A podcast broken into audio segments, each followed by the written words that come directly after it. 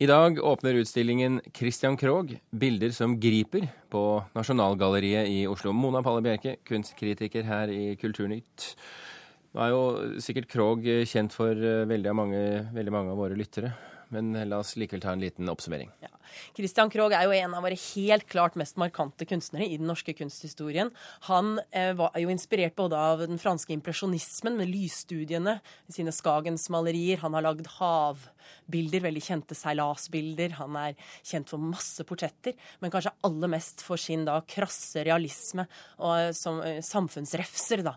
Og han var jo den som brøt med nasjonalromantikkens litt sånn hyllende, idealiserende stil, hvor tanken var at betrakteren skulle slå hendene sammen og si 'å, så godt og vakkert Norge er'. ikke sant?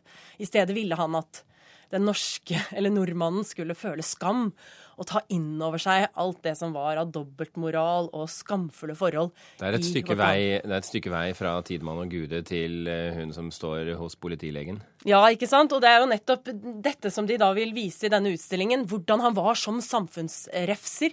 Nettopp dette at de rike sitter ved sitt overfylte bord, men nede i Kristiania sentrum, der står lutfattige kvinner og barn, sultne, og slåss om brød. ikke sant? Sånn som kommer frem i også dette hovedverket, Kampen for tilværelsen.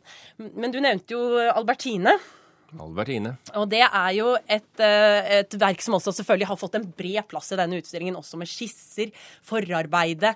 Eh, og dette er jo et verk som tar tak i dobbeltmoralen knyttet til prostitusjon eh, på denne tiden. Og det er jo da eh, Det var jo ulovlig å selge sex. Men nå var det, man tenkte liksom at det var et nødvendig onde, fordi herrene hadde sin, sitt begjær. Det måtte få sitt utløp. Og det var bedre da at det fantes prostituerte, enn at herrene gikk og skjendet da i gåseøyne skikkelige kvinner. Og dermed hadde man også disse lege sjekkene, som var ganske ydmykende, og som var som en sånn litt grotesk vareklarering, på en måte. Og dette tok Krog tak i for å vise at dette er noe vi ikke kan eh, leve med, eh, rett og slett. Eh, det er ikke så lenge siden jeg satt her med to gjester og snakket om Edvard Munch. Og Edvard Munch, radikal på sitt vis, var veldig kritisk til Christian Krogh fordi han mente at det var bare sånn avfotograferinger, nærmest. Ikke minst fordi han, han er en dyktig maler. Men hva er det, hva er det Krog er radikal med i forhold til Munch? Krog var jo veldig radikal i norsk sammenheng som den samfunnsrefseren han var. Vi hadde jo ikke noen annen på den tiden som jobbet liksom inn i den politiske diskusjonen med sånne sterke uttrykk, som også fikk konsekvenser, og som fikk, lagde debatt. Og det er jo viser i utstillingen da, hvordan Albertine, for eksempel, og både boken og maleriet, skapte en veldig debatt. Så du kan si at Munch er jo veldig radikal, både uttrykksmessig og innholdsmessig, med sine også eksistensielle temaer og sin, sin eh, formoppløsende uttrykk.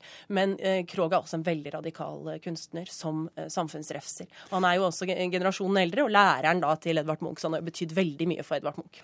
Men, men hvordan Ser vi denne eh, samfunnsrefseren med våre briller når vi går i dette galleriet? Det er veldig sterkt, fordi at dette er jo da sant, mer enn 130 eh, år siden denne, denne, samfunnskritikken ble fremsatt, da, knyttet til prostitusjon og fattigdom, sykdom, andre temaer som er behagelige å ta inn over seg. Og det treffer oss også så sterkt i dag. Det er eh, så lite utdatert. Og selv om selvfølgelig når du ser på de prostituerte, så har de en annen liksom, kleskode enn prostituerte i dag. Men allikevel så er dette temaet så pinefullt og ubehagelig den dag i dag. Det er så smertefullt å ta inn over seg prostitusjon, så vanskelig å snakke om det.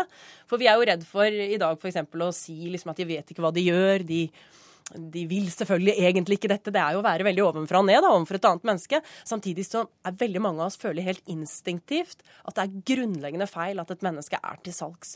Så han går inn både på fattigdom. Vi har tiggere i hele sant, Oslo sentrum som vi går da med propper i ørene i en stor bue utenom for å slippe å forholde oss til. Og dette er temaer som fremdeles er høyaktuelle, dypt ubehagelige også i dag. Og hans samfunnskritikk det taler til oss. Den taler til oss gjennom århundrene. Det er altså en interessant utstilling. Han maler dessuten godt, det er det jo ingen tvil om. Er dette like fullt en eh, utstilling eh, uten plett og lyte? Altså, det er en utstilling som Det er vanskelig å gjøre en utstilling med så sterkt kunstnerskap dårlig, men jeg, jeg, har en liten innvending, og det går på at jeg syns det er litt uklart. Det virker som de ikke har helt bestemt seg for rammen. Den heter 'Bilder som griper', og handler jo om nettopp dette at han vil engasjere, han vil forarge. Men det er også bilder fra 1880- og 90-tallet. Det virker som de ikke har helt bestemt seg om det er et tidsutsnitt de fokuserer på, eller en tematikk. Og da tenker jeg på den store avdelingen de har med familiemotiver fra Krog som jeg opplever som veldig malplassert i forhold til hans samfunnsrefsende, samfunnskritiske bilder. Og det er klart det kunne være fint for å gi et nyansert bilde av han, at han er ikke bare denne refseren. Men jeg syns at den delen av hans kunstnerskap, det realistiske, er så viktig at det godt kunne fått hele fokuset denne gangen. Mona Palle Bjerke, takk for at du kom til Kulturnytt.